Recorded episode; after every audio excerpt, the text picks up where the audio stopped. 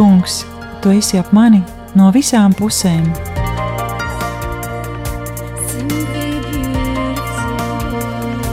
Neredzamā dieva attēls, raidījums par atgriešanos, piedošanu, dziedināšanu un kalpošanu.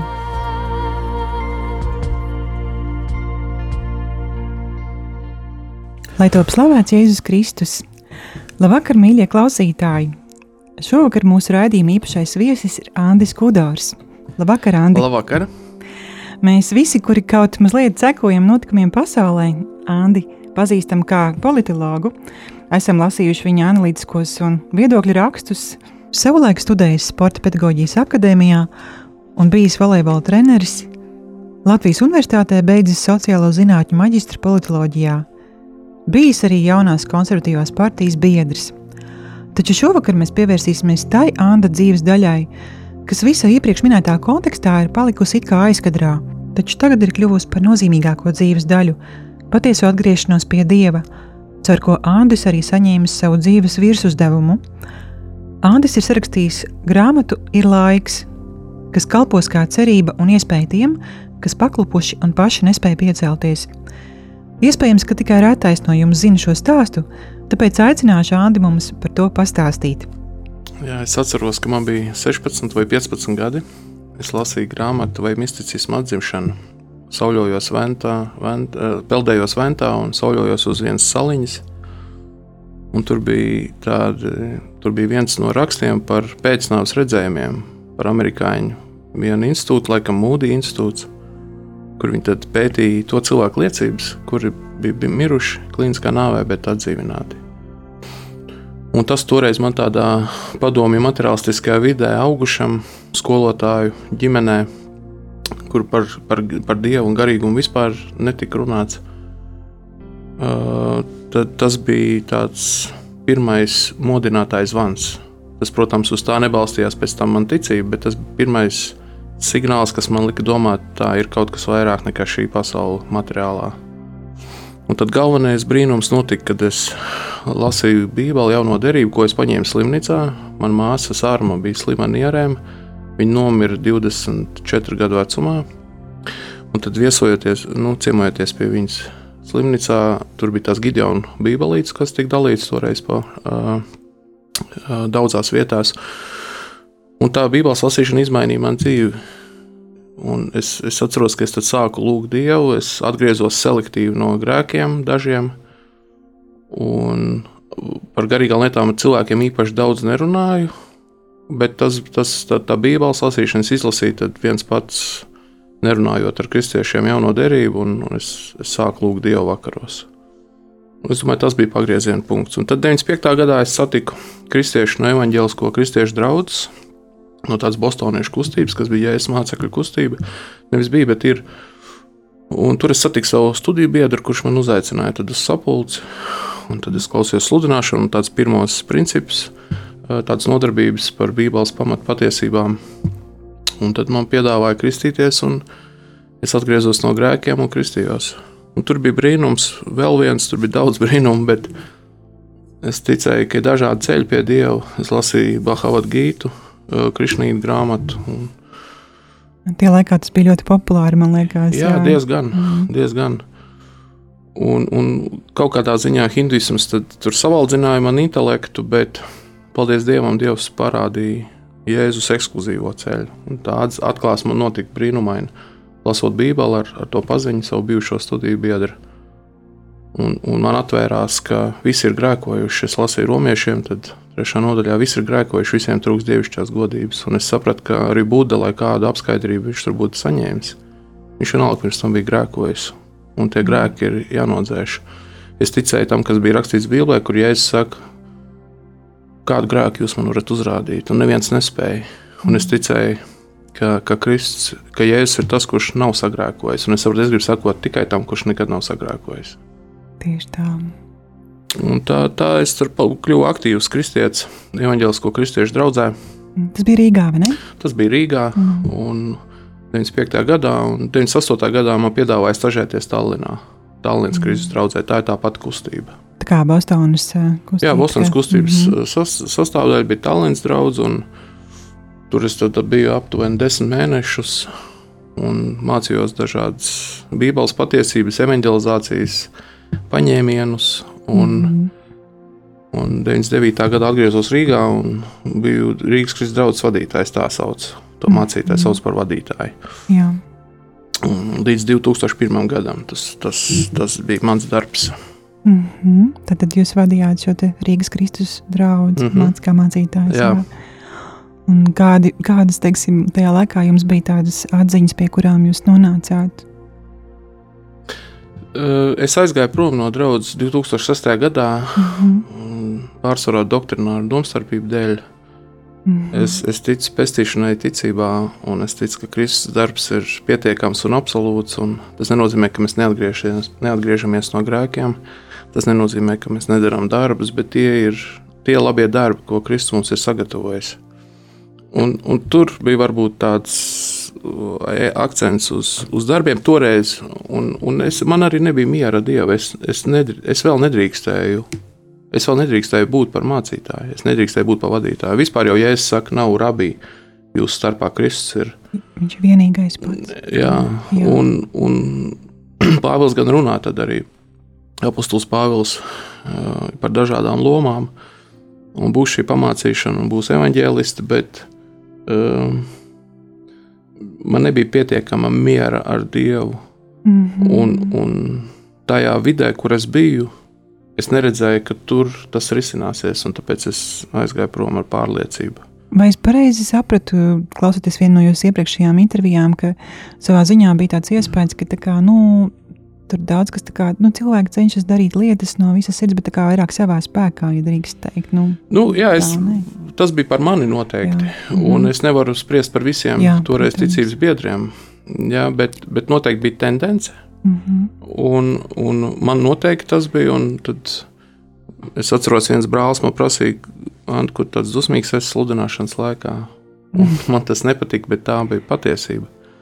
Un, jo tas bija dusmas uz nespēju būt pilnīgam ar pašpilnveidošanos, ar darīšanu, un mēs darījām daudz. daudz. Mēs, mēs salīdzinot teiksim, ar daudziem kristiešiem, kurus mēs satikām, mm. ja, un, un tam jau nav svara, bet ja mēs salīdzinātu pasaulīgi, tā Jā. nu, retais varbūt tur tik daudz evanģelizēja, tik daudz tur nezinu, mācīja viens otru, jo ir raksturvietas pamāciet citu citu. Mm -hmm. Bet tur bija tāda arī autoritārisma nedaudz piešprits, un, un tagad tur daudz kas ir izmainījies. Ja es runāju par to laiku, es runāju par sevi, un es negribu kaut kā apsūdzēt tur visus mm -hmm. brāļus un māsas noteikti. Tur bija daudz labā, un, mm -hmm. un tas, ka es varēju pilnu laiku strādāt draudzē, tas deva brīnumainu iespēju lasīt daudz bībeli un, un pētīt, un lasīt, ko citi pētnieki ir izpētījuši un arī teoloģiskas eh, grāmatas lasīt. Tā kā paldies Dievam par to periodu. Jā. Es domāju, pienācis ir laiks kādai dziesmai.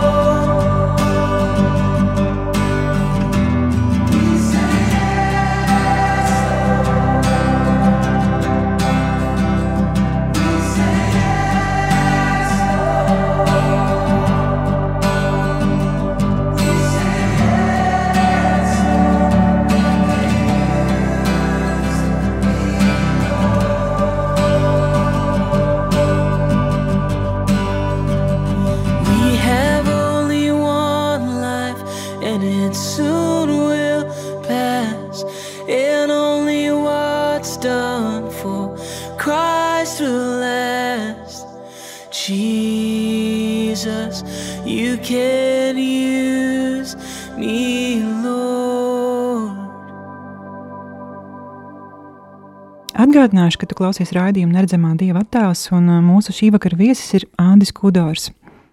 Mēs iepriekš runājām par to, kā Ādis uh, atrada Kristu un kā turpinājās viņa ceļš pie Dieva.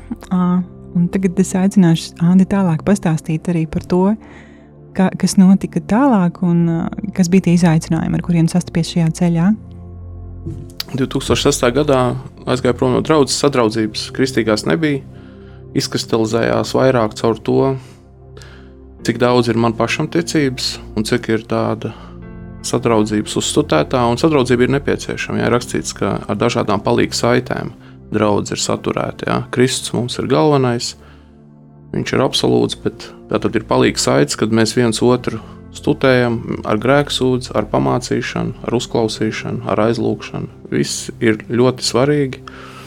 Bet tad, pājot prom, tomēr nost, ja mēs redzam, vecajā derībā Jāzeps iztur pārbaudījumu. Jā, viņš ir viens pats prom no, tas ir tad, stāstā par Jāzepu un brāļiem.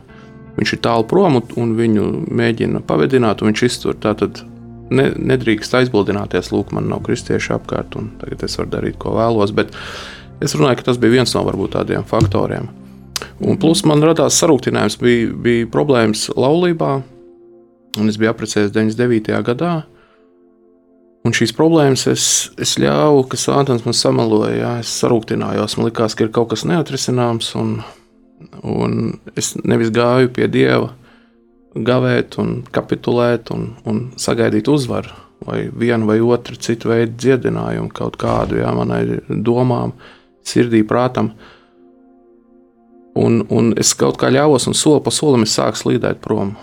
Un tas it kā bija nemanāms, un likās, nekas, nekas, bet tad es pirmo reizi pēc deviņu gadu pārtraukuma piedzēros vienā komandējumā. Un, un tad es aizgāju atkal ar 9 gadu, pār, 9 gadu tas bija draudzes periods, jā, kurā mm. Dievs man pasargāja no piedzeršanās, pasargāja no azartspēļu spēlēšanas. Mm. Un tas lēnām sāk atgriezties. Tas, kur pie kā es jau biju savu laiku, pirms atgriešanās no grēkiem, pirms 95. gada. Mm. Mm. Un šis sarūktinājums pieaug, un tur, nu, ja mēs apvainojamies uz Dievu, tur mēs zinām, kurš būs zaudētājs. Jā. Tikai mm. tas, kurš ļauj, ka sātans samelo kaut ko par Dievu. Mm. Jo mēs redzam ar iebu, pat ja iebam, un tas nebija mans gadījums. Uh, man, man bija grēki, bet ieba, iebam konkrētā periodā tas sots, uh, nepareizāk nevis sots, bet ciešanas bija ne par viņa grēkiem. Jā. Mēs ticam, ka ievas bija grēkojis, jo rakstīts, ka visi ir grēkojuši, bet mm -hmm. tajā posmā, par ko ir ieva grāmata rakstīta, tur tomēr tā liecība ir no rakstiem, ka Dievs viņu nevis par kaut ko soda, bet ar nolūku pieļaut ciešanas, jā, mm. pielaiž sātanu tūmā. Mm. Un, tāpēc ir svarīgi, un es, es sapratu, kur sātans man apmānīja, ka es nevarēšu izlikt to grēku. Ar laiku sakrājās tik daudz, ka man likās, es vairs nevarēšu izlikt. Mm -hmm. Un tie arī ir sātana meli. Vienkārši no tumsas puses, jo dziļāk cilvēks ir tumsā, jo viņam ir bailīgāk skatīties uz Dievu. Mm. Un, un tad tur visādas domas bija pasaulīgas. Tur man liekas, ah, pasaulē es ciešu, jā, bet ar Dievu arī man bija ciešanas. Jā, tur arī kaut kas mhm. neatrisinājās. Jā. Es, nega, es ne, neizdarīju, kā Pāvils darīja. Viņam bija dzelzceļš miesā, bet viņš, viņš lūdza, kamēr viņam pietika ar to, ko Dievs teica. Vai nu apakstuli Pāvilu dziedināt, viņš saka, viņam, viņš trīsreiz lūdza, un Dievs viņam teica, tev pietiek man žēlastība. Kas ir svarīgi? Pāvils, Pāvils saņēma atbildi, ka viņam pietiek mm. ka viņam ir jāiztiek ar šo. Un tas ir pats, viņam jāiztiek ar pašu svarīgāko. Viņam ir vissvarīgākais, viņam ir dieva žēlstība. Viņš to pieņēma. Viņš to pieņēma un ir rakstīts trīs reizes lūdzu, nu tā tad ceturto mm. un piekto vairs nē. Ja, tad ir, un es ticu, ka mums pie dieva ir jālūdz vai nu risinājums noteiktai problēmai, vai nu viņa miers ar, ar vārdiem, tev pietiek man žēlastība. Ja? Un mums nav jāliekas mierā, kad nav viens vai otrs. Mm. Mm. Jo citādi mēs nepagodinām Dievu, mēs uz viņu negaidām. Jā. Un, tāpēc, un, un es toreiz nepagodināju, negaidīju un aizgāju grēkos. Un tad azartspēles pieauga. Ar katru gadu pieaug, pieaug, pieaug, kamēr sasniedz dramatisku līmeni. Mm. Tas, man, tas arī ļoti noteikti ietekmēja arī nu, jūsu attiecības ģimenē, un tāpat jau bija ļoti, nu, tas noteikti arī izaicinoši. Jā, ciešanas Lilitē manai sievai bija milzīgas ciešanas, jo viņa, bija, viņa redzēja, kā es morāli degradējos. Jā. Mm. Un, un, uh, tas, to, tas nav viegli uh, no malas vērot, kad kāds, ko tu mīli, cieši. Jā. Viņa redzēja manas ciešanas, un viņa, viņa cieta no, no tā, jo tās ir naudas problēmas. Tas, es nācu mājās dažkārt četros no rīta, piezēries, nikns kā bullis, biju emocionāli vardarbīgs pret sievu nu, tas viņai jau pirms tam jau tās, tās naktas stundas jau ir stress, un tad es atnāku, tad ir vēl stress. Tas viss ļoti destruktīvi ietekmēja manu sievu. Un, uh, tā kā bija tik traki, ka viņai bija reāls problēmas ar veselību, un mums nācās padzīvot atsevišķu pusotru gadu. Mm. Un tas bija dramatiskāk par dramatisku priekš manis, jo es jau tāpat biju vientuļš dēļ azartspēlēm. Mm. Es, es ticēju raksturvietē, ka apliecībai gan jānāk, bet vai tam, caur ko viņi nāk? Es tāpēc neiesaistīju citus. Mm. Un caur to es biju vientuļš. Un, ja es gāju spēlēt, es gāju viens pats. Mm. Tur aizgāja nauda, radās parādi, viņa auga. Un bija milzīga depresija. Un tad, kad es cīnījos pret azartspēlēm, tad uh, es redzēju, ka es nevaru uzvarēt. Un, un bieži vien cilvēki liekas, kas nav tūmā, tam viņam liekas, nu, tas vienkārši negrib un nav saņēmies, un tā ir izlaidība. Tā ir tāda virspusēja pieeja. Apostols Pāvils saka, ka labi gribēt man ir dots, bet izdarīt nē. Mm. Jā, bauslība dod grēku atziņu, bet ne jau spēku izpildīt. Mm -hmm. Vienkārši ir grēki, kas varbūt nedod tik dramatiskas sekas uzreiz. Mm -hmm. Azartspēles dod līdzīgi kā narkotikas. Jā, jā, jā. Alkoholisms arī diezgan dramatisks ir. Jā. Mm -hmm. Un Un tās sekas ir tik lielas, ka nu, nevar, nevar to izturēt, un reizē nevar arī atbrīvoties. Jo, jo, jo ir tik grūti, ka doma par, tad, kad es no sirds izlēmu, ka es nespēlēšu, tad man uznāca milzīga depresija. Tāda, ka fiziski es paliku vājš, es varēju knapi pa ielu paiet. Mm -hmm. Un tas sātana valsts ļoti spēcīgs. Jā, un tad, un, un palīdzēja tas, ka es uz ielas izlēmu, ah, nē, es tomēr spēlēšu kaut vai tur pēc mēneša. Mm. Un šis ir sātans lasts, kur pat tam jau ir fizisks reakcijas. Un tad, tad, ekst, tad lūkšanas kļuva eksistenciāls. Tas ir tā, ka ir skaidrība, ka vai nu tagad Dievs iesaistīsies un brīnumaini izglābs, vai nu kaut kas slikts notiks. Uh, vai nu es sajūtu prātā, vai sirdsriekdā būtu kaut kas, mm. kaut kas dramatisks. Bija sajūta, ka es esmu blakus LA. Tas man jau tāda pilnīgi tāda robežas līnija kaut kāda gandrīz tuvojās, vai ne tajā Tieši brīdī. Tā. Mm.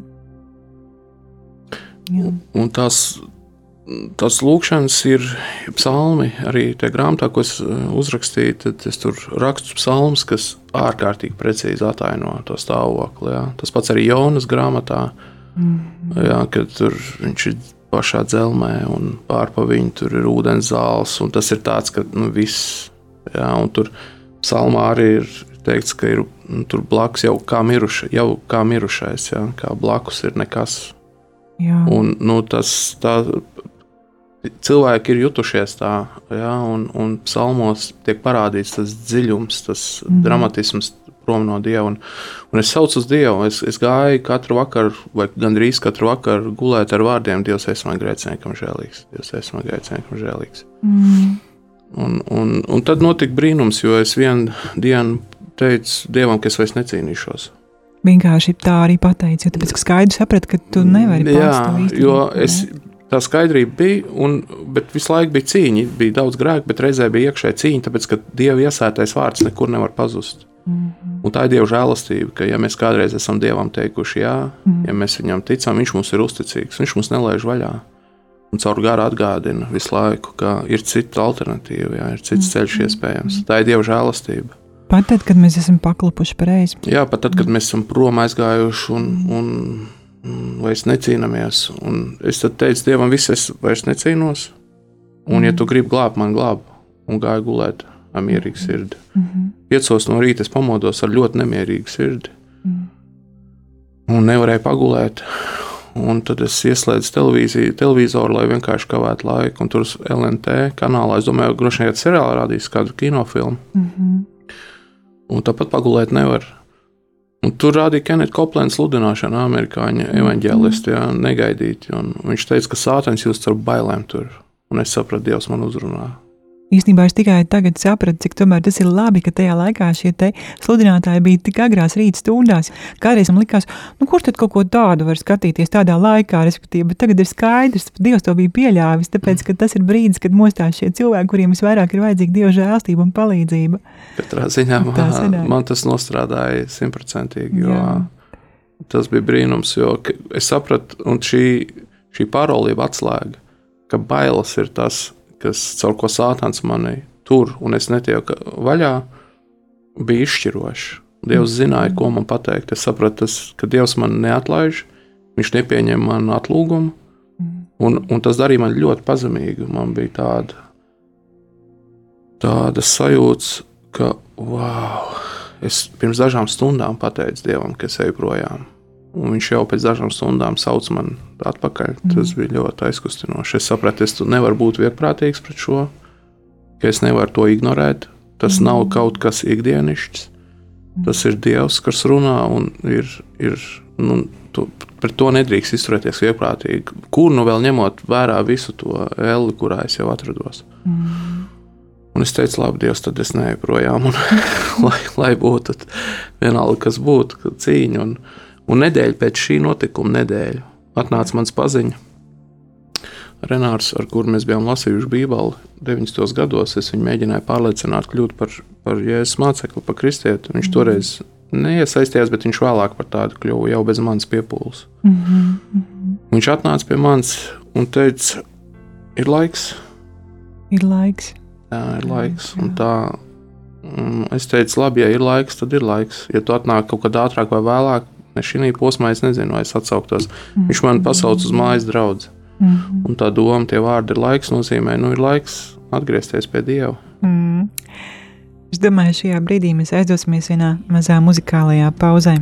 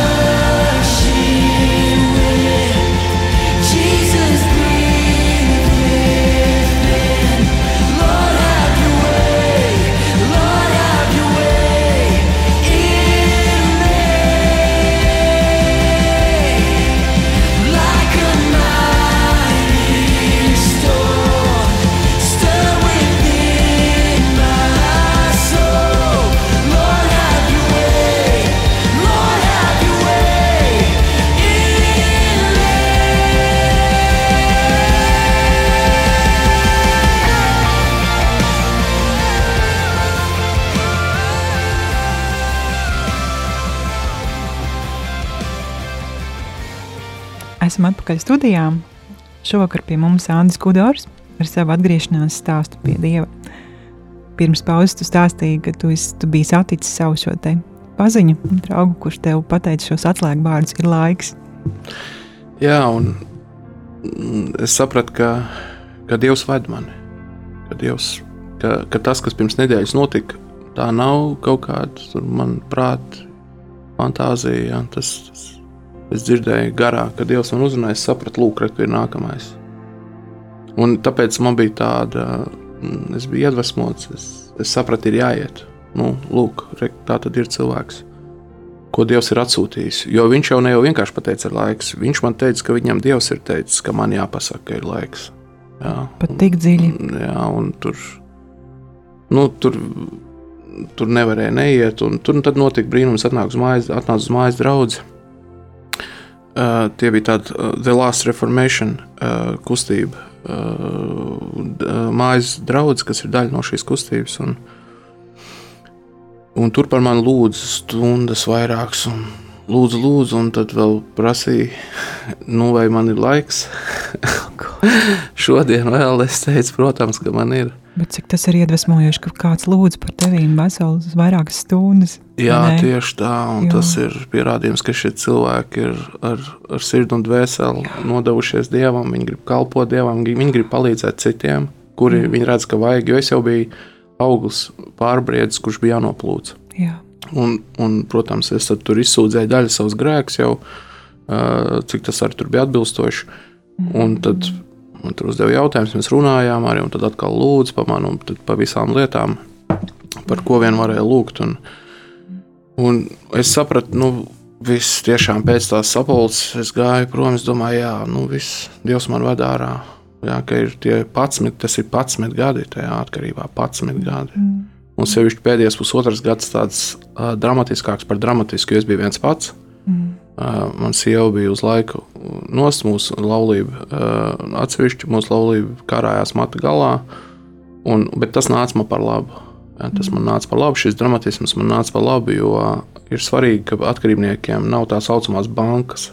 Mm. Tas banka ne tikai naudas nozīmē, bet tādā jebkurā nozīmē.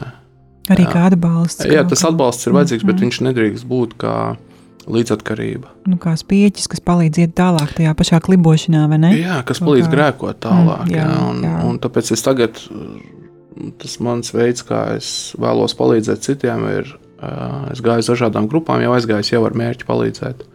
Un es sapratu, ka es mm, nevēlos palīdzēt grēciniekiem savaldīt vienu grēku un tad turpināt grēkot citos. Mm -hmm. Jo tas jau ir ļaunums. Tad, ja? Tā atpestīšana ir no visiem no grēkiem, no, no grēka kā tāda. Jo reizēm mēs kādreiz dzīvē redzam, ka notiek kaut kāds tāds kā kompensācijas mehānisms, vai ne? Ja cilvēks izlēma, ka tagad šajā jomā es stāvēšu pretīm grēkam, bet tajā laikā viņš kaut ko citu nu, tā kā kompensācijai izvēlas. Jā, aizvietošana. Aizvietošana, jā, jā. jā. Un tur var aizvietot ar daudz ko, Jā. jā. bet tā nav tā brīvība, ko Tā mēs lasām rakstos. Tieši tā, tieši tā. Es tums laikā biju teicis Dievam, ka, ja viņš man atbrīvos, tad to uzzinās daudzi.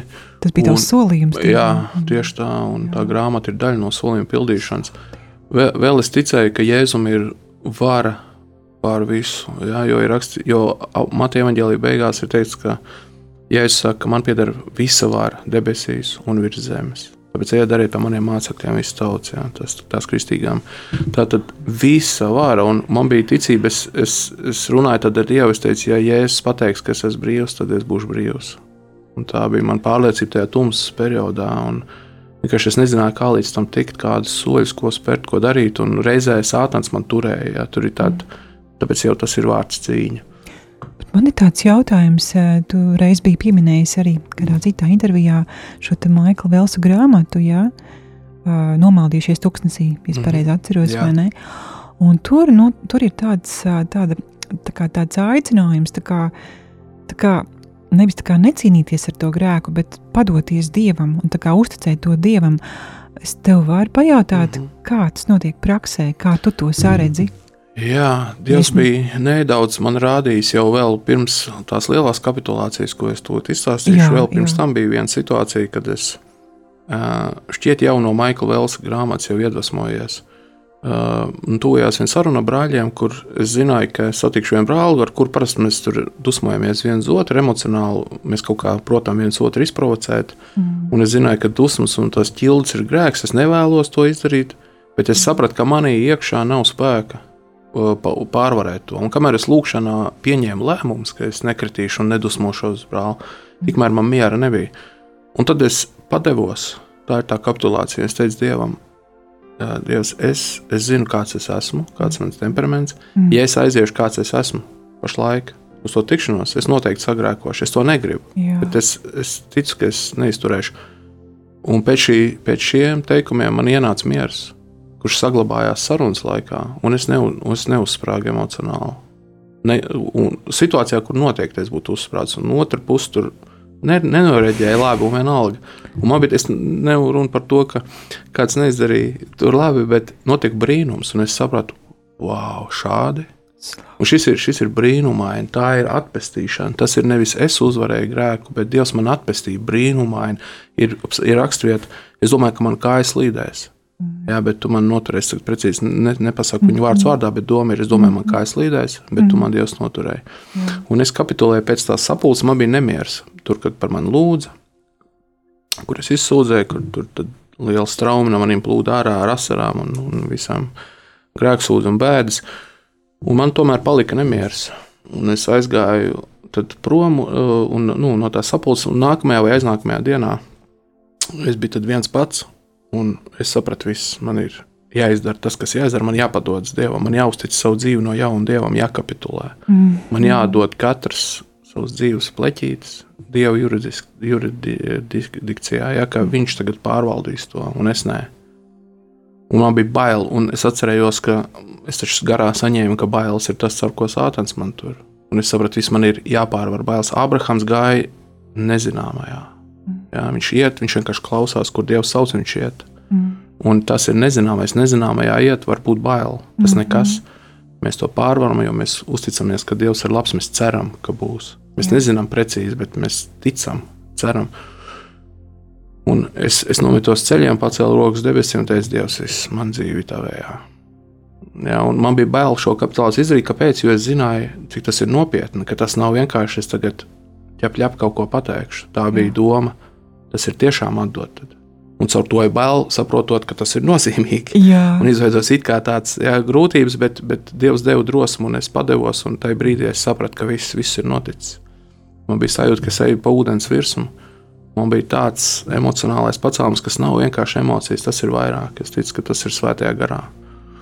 Un, un tad sākās uh, tāds atbrīvošanas posms, jā, kad bija vēl visādi daudz notikumu garīgi, kas, kas arī aizved līdz tam, ka, ka es vairs nespēlēju. slavu Kristumu.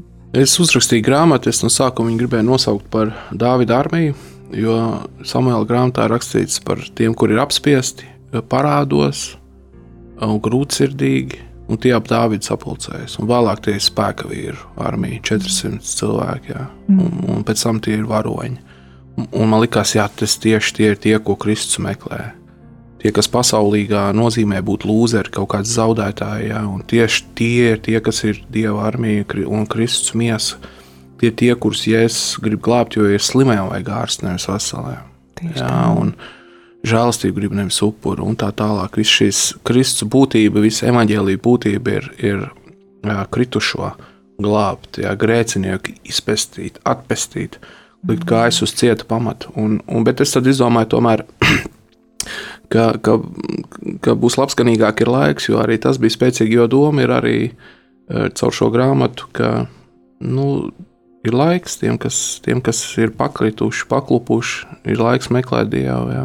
Ir, Jēzum ir visa vara, un būs atpestīšana. Ir rakstīts, dēls jūs darīs brīvus. Nevis jūs darīsiet sev brīvus, mm -hmm. dēls jūs darīs brīvus. Ir, ir svarīgi iet pie Dieva, atgriezties no grēkiem, mm kristīties tiem, kas nav kristījušies, jā, saņemt svēto garu, būt svētā gara piepildītiem un, un, un ļauties un klausīties, kur Kristus viņus ved. Un brīvība ir paredzēta katram, nevis kādam. Mm. Katram, kurš būs Kristus varā, bet tad šī vara ir, ir sava vara jāatdod viņa Jā, rokās. jā. Šī ir kapitulācija, bez kuras es nezinu, kā tikt citādi. Jo tas nozīmē, ka tā pašam bija tā pieredze, ka tu mēģināji to darīt savādāk, bet nesenāca. Un tikai tajā brīdī, kad tu pilnā mērā padevies, ja, Precīzi, Dievs jā. varēja sākt darboties. Pirmkārt, atzīt, ka mēs paši nevaram un nenobīties no tā, Mm. tāpēc ka Kristus var. Ja Pasaulē tā būtu bailīga ziņa. Mhm. Kristiešiem atzīt, ka mēs nevaram, tas ir nekas, tas ir labā sākums. Mm. Atzīstam, ka nevaram, ejam pie tā, kurš var, un, un meklējam, lasām rakstus, lūdzam, un, un meklējam, kā dzirdēt Dieva balsi. Jo tad, kad Viņš mūs uzrunā, tad notiek brīnumi. Garā, ne, ne obligāti fiziska balss, ja mēs garā saprotam, ka, ka Dievs caur rakstiem, caur cilvēkiem, caur situācijām vai garā Viņš uz mums runā. Un tad, kad mēs to dzirdam, tad notiek brīnumi. Jā, slavu Kristum. Es laikam arī šajā brīdī atz- atzīšos klausītājiem, kādā vienā savā dzīves brīdī.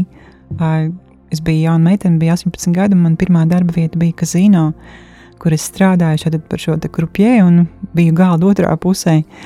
Um, un viss jau bija ļoti forši, tur bija kolosāls algas un skaista dzīve, bet man sirds nebija mierā. Pēc kāda laika es izjūtu šausmīgas dvēseles mokas un no šī darba aizgāju. Un tad es ļoti, ļoti raudāju, lūdzu Dievam atdošanu, un arī vēl da daudzos citos dzīves gados es lūdzos arī par to cilvēku atgriešanos pie Kristus. ā, Kuri ir bijuši šie atkarīgie. Un, un tad, kad es ieraudzīju šo te, Facebook ierakstu, kur Andris bija rakstījis, ka viņam top šī grāmata, un ka viņš šai spēļu ellē ir ticis cauri, un ka pats Dievs viņu ir no viņas, var teikt, izvilcis tad es sajūtos tā ārkārtīgi nu, laimīga. Tāpēc man pēkšņi likās, ka arī kaut kādā ziņā kāda mana lūkšana ir sasniegusi nu, teikt, rezultātu un atbildi. Slāva Kristum par visu, ko viņš dara mūsu dzīvēs. Jā, laiks raidījumam ir pienācis beigām, tāpēc es teikšu ļoti sirsnīgi paldies Andim Kudāram par šo dziļo un spēcīgo liecību. Dvēsele, kas bagātīgi svētīt citus, arī pati taps svētīta, un kas bagātīgi veldzē citu, arī pats taps veldzēts, kā mēs zinām. Andi, lai Dievs bagātīgi svētī tevi un tavu ģimeni, Paldies! un tāpat tās, lai arī šī grāmata, kas tagad iznāks, lai viņa aizsniedz pēc iespējas vairāk sirdis un paveic Dieva brīnums cilvēku dzīvēs. Paldies arī tev, dargo klausītāju! Raidījumu vadīja Mārija Tirgensona. Esiet bagātīgi love Kungs, tu esi ap mani no visām pusēm.